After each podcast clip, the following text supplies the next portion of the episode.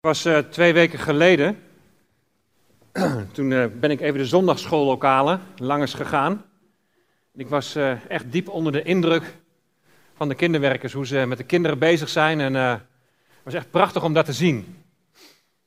En, ik kreeg gisteren een berichtje dat groep 5 en 6, die zijn, zijn vanmorgen bezig met openbaring hoofdstuk 1. En vanuit openbaring hoofdstuk 1 wordt de opdracht gegeven om brieven te schrijven aan zeven gemeenten. En de kinderen die gaan een uh, brief voor ons schrijven. En we gaan volgende week gaan we kijken of we een momentje kunnen inpassen dat we eens even gaan luisteren naar wat de kinderen aan ons te zeggen hebben. En hou er rekening mee dat God ook door kinderen spreekt. Ik ben heel benieuwd wat daaruit gaat komen. Vanmorgen heb ik als thema gekozen: Framing leidt tot tweedeling. Wie weet wat framing is? Ga maar heel weinig handen omhoog. Ja, wat meer? Niet zo heel erg bekend. Nou, hopelijk wordt het zo meteen duidelijk. Ik ga met jullie lezen Handelingen 19, vers 8 tot en met 12. De volgende drie maanden ging hij, Paulus, regelmatig naar de synagoge en dat is de synagoge in Efeze, waar hij vrijmoedig met de bezoekers sprak over het koninkrijk van God en hen met zijn uiteenzettingen trachtte te overtuigen. Maar toen sommigen zijn boodschap halstarrig bleven afwijzen en de weg bij iedereen belachelijk maakten, vertrok hij en nam de leerlingen met zich mee.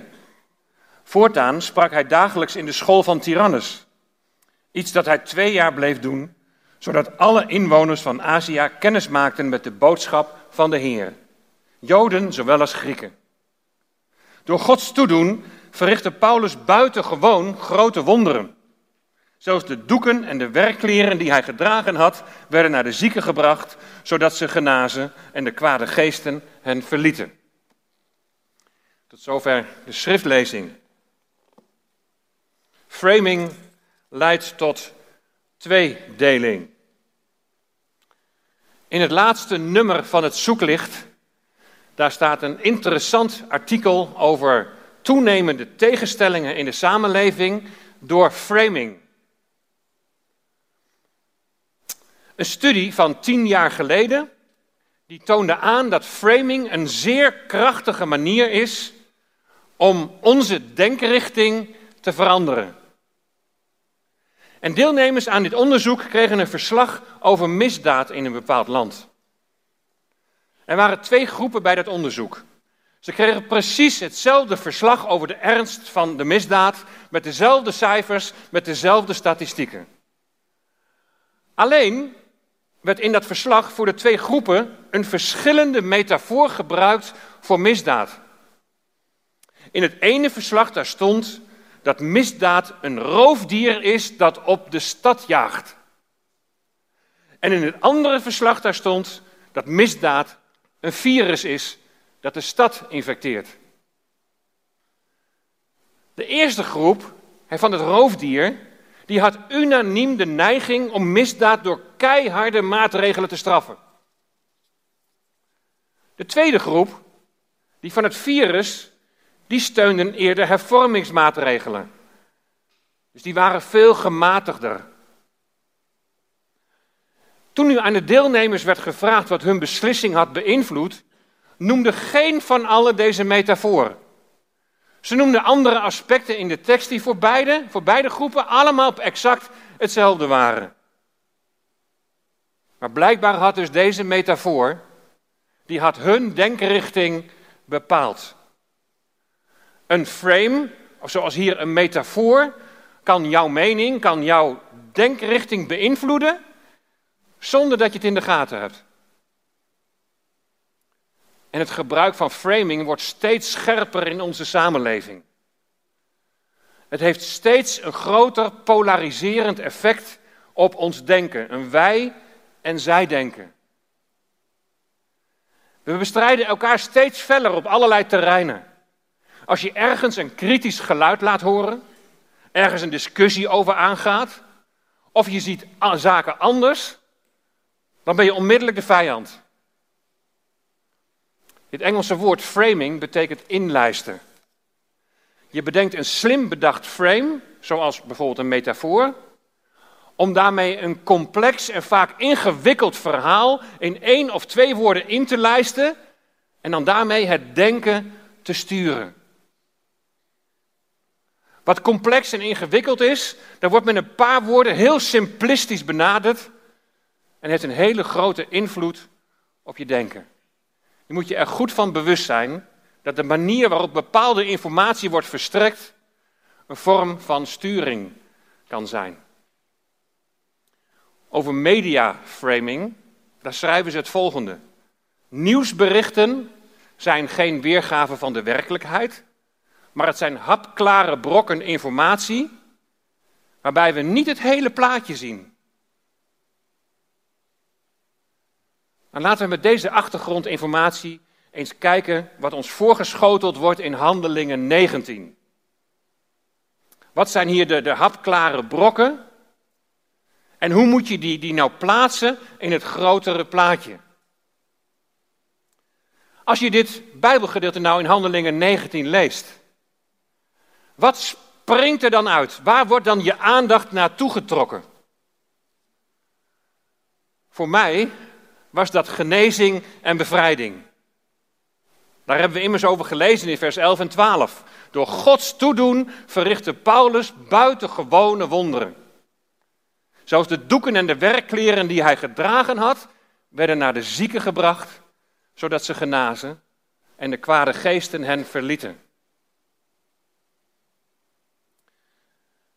Het springt er voor mij uit omdat hier zichtbaar wordt wat God doet. En als ik ergens energie van krijg, als er iets is dat blijdschap bij mij teweeg brengt, dan is het wel als ik God aan het werk zie. Dat ik zie dat Hij bezig is met een werk van herstel. Zieken worden genezen, mensen worden bevrijd. En het allerbelangrijkste, mensen bekeren zich. Ze komen tot geloof. En wat we hier zien is dat het geen oppervlakkige bekering is. Want in vers 18, dus iets verderop, daar staat: Velen van hen die geloofden, die kwamen hun zondige daden beleiden en bekennen. Er zijn blijkbaar mensen die schoon schip willen maken. Mensen die hun oude leven achter zich laten. Er gebeurt iets van binnenin. Ik word super enthousiast als ik zie dat God een levensveranderend werk in mensen doet. In de voorbereiding van deze preek ging mijn eerste aandacht dan ook uit naar vers 11 en 12. En dan begin ik wat te observeren. Wat gebeurt er nou eigenlijk precies? Vervolgens probeer ik een beetje te begrijpen van, van wat daar nou gebeurt. Hoe werkt dat hier met, met genezing en met bevrijding? Door de handen van Paulus, zegt de herziene statenvertaling. Maar hoe zit het dan met die doeken en, en hoe zit het nou precies dan met die werkkleren? Het is een nieuwsverslag geschreven door Petrus en het zijn min of meer zijn het hapklare brokken van een aantal feiten. Maar het grote plaatje ontbreekt als je het alleen maar beperkt tot die versen 11 en 12. Want wat de toepassing betreft heb ik wel een aantal vragen. Ik denk jullie ook wel. Als er staat dat door de handen van Paulus dat God mensen geneest en bevrijdt, wil hij dat dan ook door mijn handen doen? Krijgen we hier in Handelingen 19 handvaten voor gebedsgenezing? Nou, laten we eens een frame over dit Bijbelgedeelte leggen. Stel, ik kies als thema, ja trouwens, een thema kan dus al behoorlijk sturend zijn. Dat zul je nu ontdekken. Stel, ik kies als thema voor deze preek. Paulus zegt: Wees alle mijn navolgers. Dat is een Bijbels thema. Staat in Filippenzen 3, vers 17. Maar door zo'n frame, door zo'n inlijsting, duw ik je al in de richting dat God op dezelfde wijze door ons werkt als hij door Paulus heeft gewerkt. Ik duw je ook al in de richting van, van vers 11 en 12. Terwijl we aan het zingen waren, toen moest ik ook even denken aan een ander frame. Bijvoorbeeld, God is uh, in het verleden, heden en in de toekomst altijd dezelfde. Dus precies wat hij daar doet, zal hij ook nu doen. Ook door onze handen zullen mensen genezen. En onze doeken en werkkleren zullen dan tot genezing van mensen zijn. Ik weet nog dat een gemeente in Deventer heel, heel lang geleden een genezingsdienst organiseerde. En een landelijk bekend prediker met een genezingsbediening was uitgenodigd. Dat wilde ik wel eens meemaken. En ik was oprecht benieuwd van hoe dat zou gaan. En er werd vanaf het begin werd een nadruk gelegd op het feit dat de Bijbel het woord van God is. Vanaf het begin werd benadrukt dat de Heer Jezus Christus de enige weg tot redding is en dat Hij onze geneesheer is. En er werd gezegd dat het belangrijk is dat je gelooft dat God geneest. En op een gegeven moment kwam er een hele jonge man, een tiener, kwam naar voren toe die heel slecht kon horen. Is de Heer Jezus jouw verlosser? was de eerste vraag. Ja. Geloof je dat Hij jou zal genezen? Ja. Mooi, deze focus gericht op de Heer Jezus. Ik vroeg me even af, moet je nou in plaats van dat Hij zal genezen, moet, je dan niet zeggen kan genezen? Handen werden opgelegd en er werd gebeden. En op een gegeven moment haalde die man met die genezingsbediening, die haalde een zakdoek uit zijn hand, uit zijn broek, tevoorschijn. Ervan uitgaande dat net als de doeken van Paulus er kracht vanuit zou gaan. En de zakdoek die werd tegen zijn oren gehouden.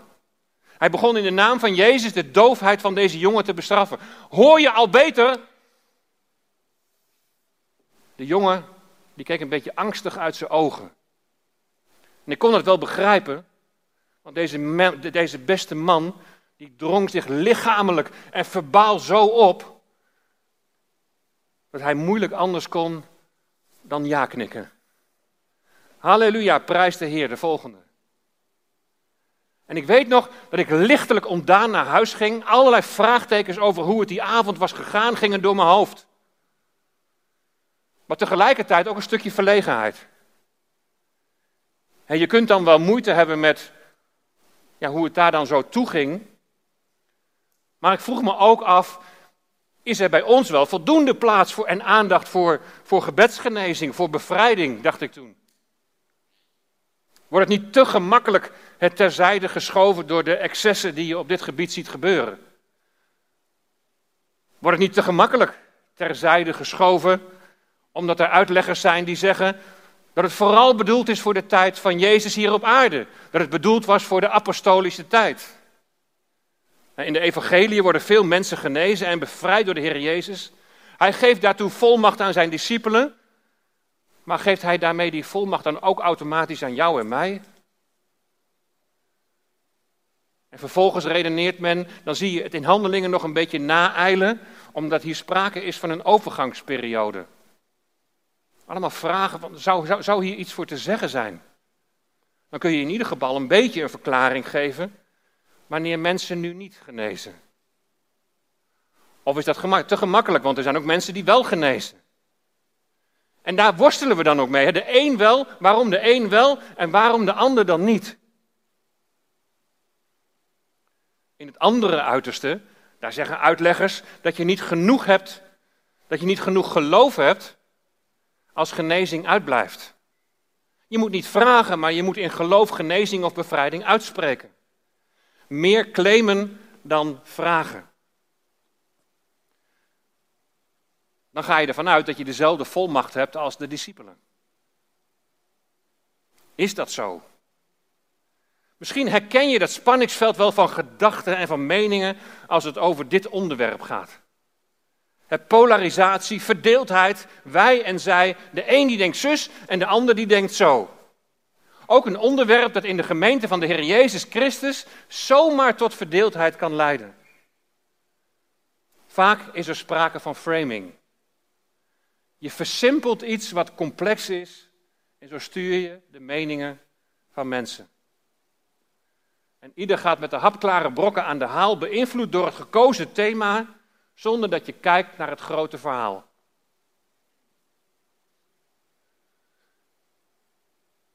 Nu we het toch over ziekte en genezing hebben, nu ga ik me op glad ijs begeven. op het gebied van vaccineren zie je ook absolute tegenstellingen. Zal ik dat eens even framen? Op twee manieren. Ten eerste, zij die het vaccin nemen, zijn naïef en goedgelovig. Boink.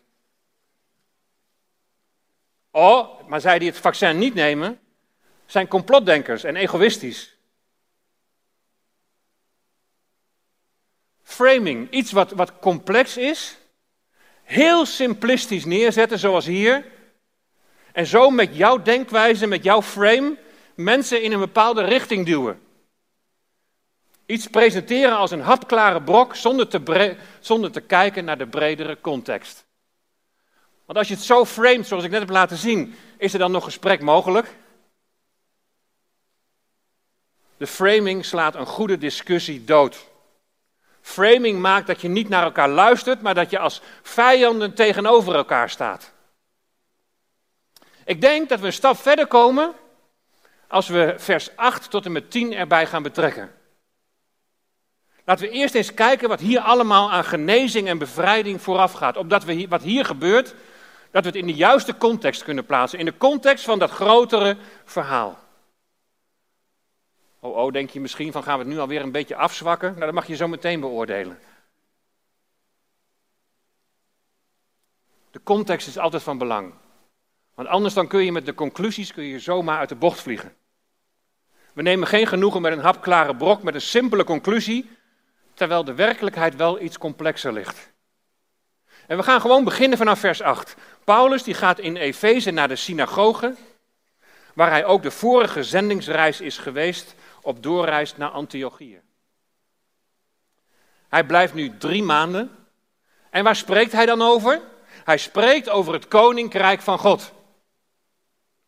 En wat verkondigt hij dan? Ja, het koninkrijk van God. Maar, maar waar gaat het dan over? Nou, in een verklaring, daar las ik, dat je het koninkrijk van God moet zien als de verkondiging van het evangelie. En ik denk dat het ook helemaal klopt, maar dan is vervolgens de vraag wat je onder het evangelie verstaat. In die verklaring stond dat het evangelie dan vooral gaat over, en daar pakten ze handelingen 13 erbij, vers 38, het gaat over vergeving van zonde. Vers 39, het gaat over rechtvaardiging. En vers 48, het gaat over eeuwig leven. En daar hield het commentaar op, punt. En het is waar dat al deze aspecten te maken hebben met het evangelie, met de goede boodschap. Maar is daar alles mee gezegd? Evangelie betekent goed nieuws. En natuurlijk is het goed nieuws dat je door geloof in de Heer Jezus Christus vergeving van zonden ontvangt. Natuurlijk is het goed nieuws dat je in Hem voor God rechtvaardig wordt verklaard, omdat God je aanziet in Zijn Zoon. En natuurlijk is het goed nieuws dat je door geloof in Jezus de Messias eeuwig leven ontvangt. Maar wat is het goede nieuws, het evangelie, dat daar bovenuit stijgt? En dat brengt ons bij de verkondiging van het koninkrijk. Weet je, als je in het Oude Testament leest over goed nieuws, wat dus evangelie is, dan lees je over de aankondiging van een nieuwe koning. Het koninkrijk voor Israël zal hier op aarde komen waar Jezus de Messias koning zal zijn. Maar wat betekent dat nou voor jou en mij? Wij zijn door geloof, door geloof al overgezet in het koninkrijk van de zoon. Een koninkrijk dat voor deze wereld niet zichtbaar is. En geloof betekent dan niet alleen dat je dankt voor vergeving van zonde, dat je in Christus rechtvaardig wordt verklaard en dat je eeuwig leven ontvangt. Geloof betekent ook dat Jezus Christus koning, Heer is geworden over jouw leven.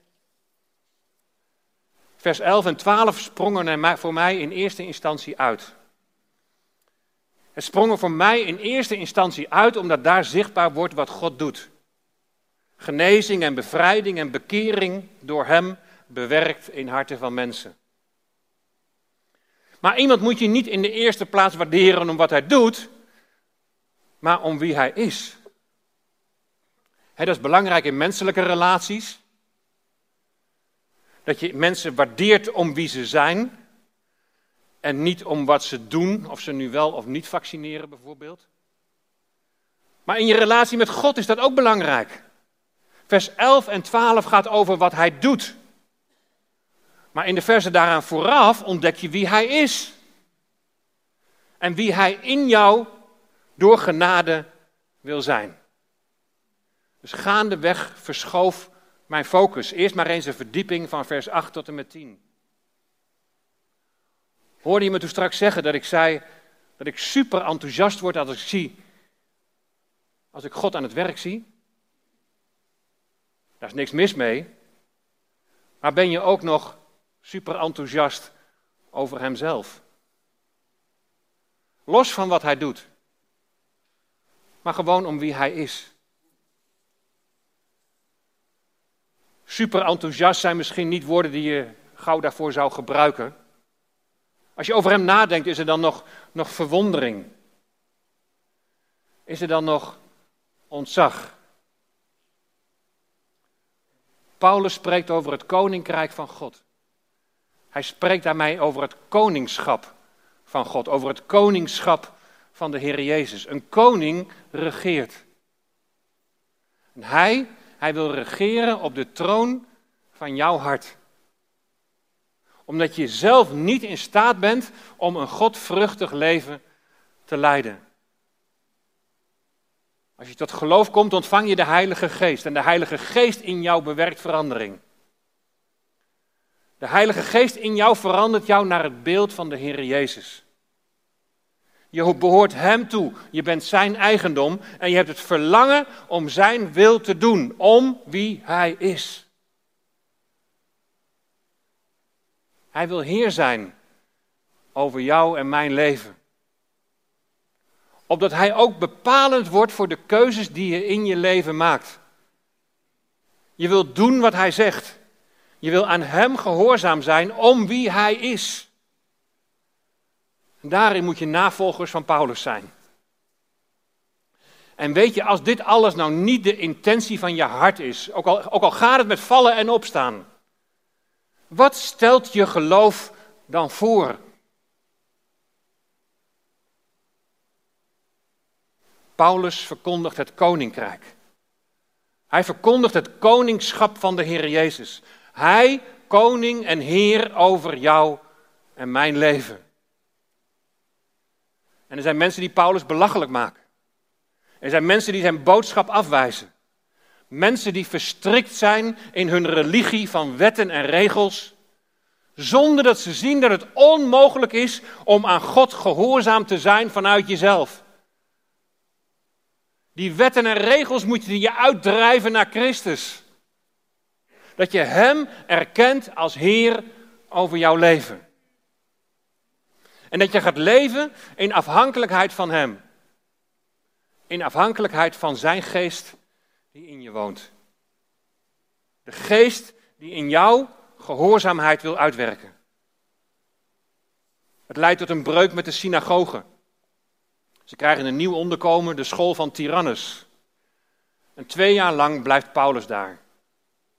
Het heeft een verbreidende uitwerking, want we lezen in vers 10: alle inwoners van Azië maakten kennis met de boodschap van de Heer. Moest even denken aan Gert en Mayo, ik zo lees. Weer een visum, jullie mogen straks weer vertrekken naar Azië. Opdat velen ook daar de Heer Jezus mogen leren kennen. Maar de boodschap van wie? De boodschap van de Heer. Voor Heer staat hier Curios. De Heer Jezus is niet alleen je verlosser, maar Hij is jouw eigenaar. Want Curios betekent Heer, Meester, Eigenaar. Je behoort Hem toe. Hij is jouw meester geworden. Hij is jouw Heer. En dat Jezus Heer is en dat Hij boven alles staat, dat hij uit is op herstel, wordt hier in Handelingen 19 bevestigd door genezingen en bevrijdingen. Toch wel een belangrijke aanloop naar vers 11 en 12 lijkt me. In vers 11 lezen we dan, door Gods toedoen verrichtte Paulus buitengewoon grote wonderen. Paulus is niet de geneesheer. Paulus is niet de bevrijder. Het is door Gods toedoen dat Paulus buitengewoon grote wonderen verricht. Nou, ik heb alle teksten over wonderen, over genezing en bevrijding in handelingen eens op een rij gezet. En dan valt het volgende op. Dat niet iedereen maar als instrument voor genezing en bevrijding wordt gebruikt. Het gaat hoofdzakelijk via Petrus en Paulus en daarna Stefanus, Filippus en Barnabas. Het lijkt erop, als je handelingen zo leest, dat God ervoor kiest om op bepaalde momenten, door mensen die Hij ertoe uitkiest, te werken om andere mensen te genezen en te bevrijden. En vervolgens heb ik alle brieven die na handelingen volgen er ook eens op nageslagen. In Romeinen 15, daar bevestigt Paulus nog een keer wat Christus door hem teweeg heeft gebracht. Namelijk dat heidenen tot gehoorzaamheid zijn gebracht, in woord en daad. En het staat er in 19, vers 19, de, door de kracht van tekenen en wonderen en door de kracht van de geest van God. En verder lees je nergens in de brieven, Hebreeën of Openbaring over specifieke personen die door gebed worden genezen. Blijkbaar ligt daar niet, niet direct de focus op. In Jacobus 5, daar gaat het over gebedsgenezing. Daar gaat het over de oudsten die de zieken zalven. En in 1 Korinthe 12, daar gaat het over genadegaven van genezingen. Daar lezen we aan de een wordt door de geest het verkondigen van wijsheid geschonken, aan de ander door diezelfde geest het overdragen van kennis. De een ontvangt van de geest een groot geloof, de ander de gave om te genezen. Al deze gaven worden geschonken door één en dezelfde geest, die ze aan iedereen afzonderlijk toebedeelt zoals hij wil. Weet je, hier zie je hetzelfde principe.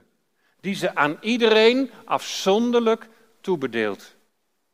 Hij is immers Heer. Oude Neel die legt het uit aan de hand van een gereedschapskist. Het is niet een kwestie van pakken, zegt hij dan, wat je maar nodig hebt. Nee, de Heer reikt het gereedschap aan. Hij reikt het, hij reikt het aan op het moment dat hij vindt dat jij iets nodig hebt. Hij is immers Heer. Hij heeft de regie. En wij moeten ons daarop afstemmen. Moet ons dat dan helemaal apathisch maken? In de zin van alleen maar een afwachtende houding aannemen en dan maar zien wat hij geeft? Dat is toch niet hoe het in een relatie werkt? Als je een relatie hebt, dan ben je toch met de Heer in gesprek. Dan mag je daar toch ook je verlangens neerleggen. Dan mag je toch ook vragen stellen. Je mag je ook uitstrekken toch naar die gaven. Daar spreekt het woord ook over. Als iemand ernstig ziek is, moet je dan, voordat je gaat bidden met iemand, eerst weten of je die gave wel ontvangen hebt? We weten dat niet iedereen geneest. Dat is in de Bijbel ook zo. Er zijn momenten dat God die gave wel geeft, dat Hij door jouw handen, via jou of mij, iemand geneest. Handen die je, die je oplegt. En als iemand in het ziekenhuis geneest door een operatie, dan gebruikt Hij de handen van de chirurg en geeft hem of haar wijsheid. Maar soms kunnen ze, niet, kunnen ze je niet meer helpen. Ook niet iedereen geneest op gebed. We hebben net over ieder gehoord. Onze oudste die uh, geopereerd moet worden. Toch een aantal omleidingen nodig zal hebben. Best een pittige operatie. Natuurlijk bidden we voor hem. En God kan een wonder doen dat een operatie niet nodig is. Maar God kan ook deze operatie gebruiken. Om zo hem te helpen weer te genezen. En wij worstelen vaak met vragen. Ja, waarom geneest de een wel en waarom geneest nou de ander niet? Vorige week, toen vertelde Jaap nog dat er steeds meer een evangelie wordt verkondigd naar de mens. Het evangelie draait om de Heer, zei hij. Amen. Het evangelie draait om Hem die koning wil zijn over jouw leven. Niet om jou een leven te geven dat alles gaat zoals jij dat wenst of zoals jij het logisch zou vinden. Maar om jou een leven te geven dat past binnen zijn plan. Hier worden mensen genezen met het oog op het Godsplan voor Efeze op dat moment. Wat zeg ik? Voor Azië op dat moment.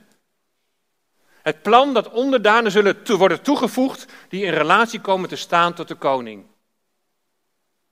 Hier in dit geval door de handen van Paulus. Zelfs de doeken en de werkkleren die hij, Paulus, gedragen had, werden naar de zieken gebracht, zodat ze genazen en de kwade geesten hen verlieten.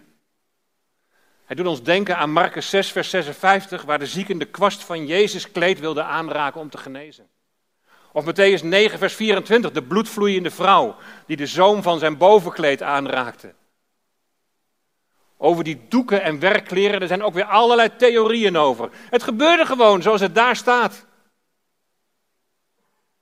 En misschien gebeurde het bij deze gebedsgenezer ook wel met zijn zakdoek, weet ik veel.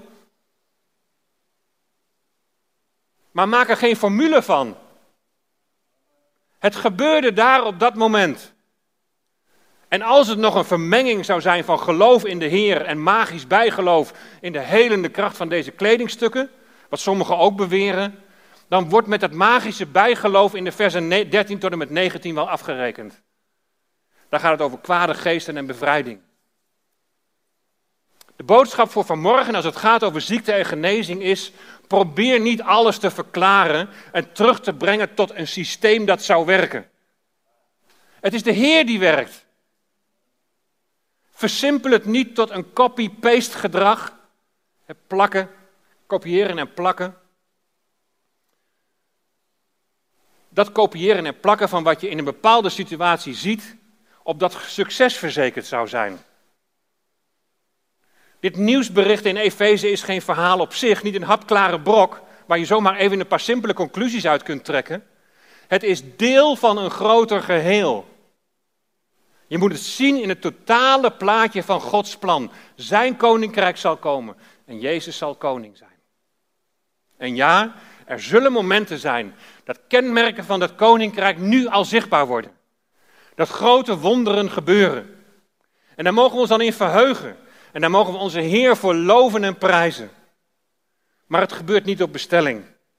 En we kunnen het niet opeisen. Hij geeft, hij geneest, hij bevrijdt. En wij bidden en wij vragen en wij strekken ons uit naar zijn gaven, maar, boven, maar, maar eren boven alles de gever door hem als Heer over ons leven te erkennen. Framing, het heel simplistisch voorstellen, dat leidt tot tweedeling. Omarm elkaar in de Heer en bid samen om wijsheid in de keuzes die je moet maken. Gebed, dat verenigt ons met elkaar en toont onze afhankelijkheid van de Heer die we toebehoren. Samen vieren we zometeen de maaltijd van brood en wijn. Toen de Heer Jezus de laatste keer de maaltijd vierde met zijn discipelen, had hij ze vlak daarvoor verteld wat er in de toekomst zal gebeuren. Even terug naar het grotere plaatje. Weeën kondigen aan dat zijn komst nabij is. Een tijd die gekenmerkt wordt door wetteloosheid, door liefdeloosheid, door oorlogen, door natuurrampen, door pandemieën, door valse profeten en messiassen die grote wonderen en tekenen doen. Satan is de grote naaper van God. Wat nu al de vervulling is van deze dingen of van alles wat nog komen gaat, ja, dat is moeilijk te zeggen. Maar wat herkennen we al veel van, van deze weeën, van deze voorzeggingen. Dan kunnen wij het ons niet permitteren dat wij in verdeeldheid die Heer verwachten. Wat is het belangrijkste wat we kunnen doen? En afgelopen week, op donderdag, hadden we de bidstond. En daar zei iemand van, ik heb Amos alvast doorgelezen voor de bijbelstudie van donderdagavond.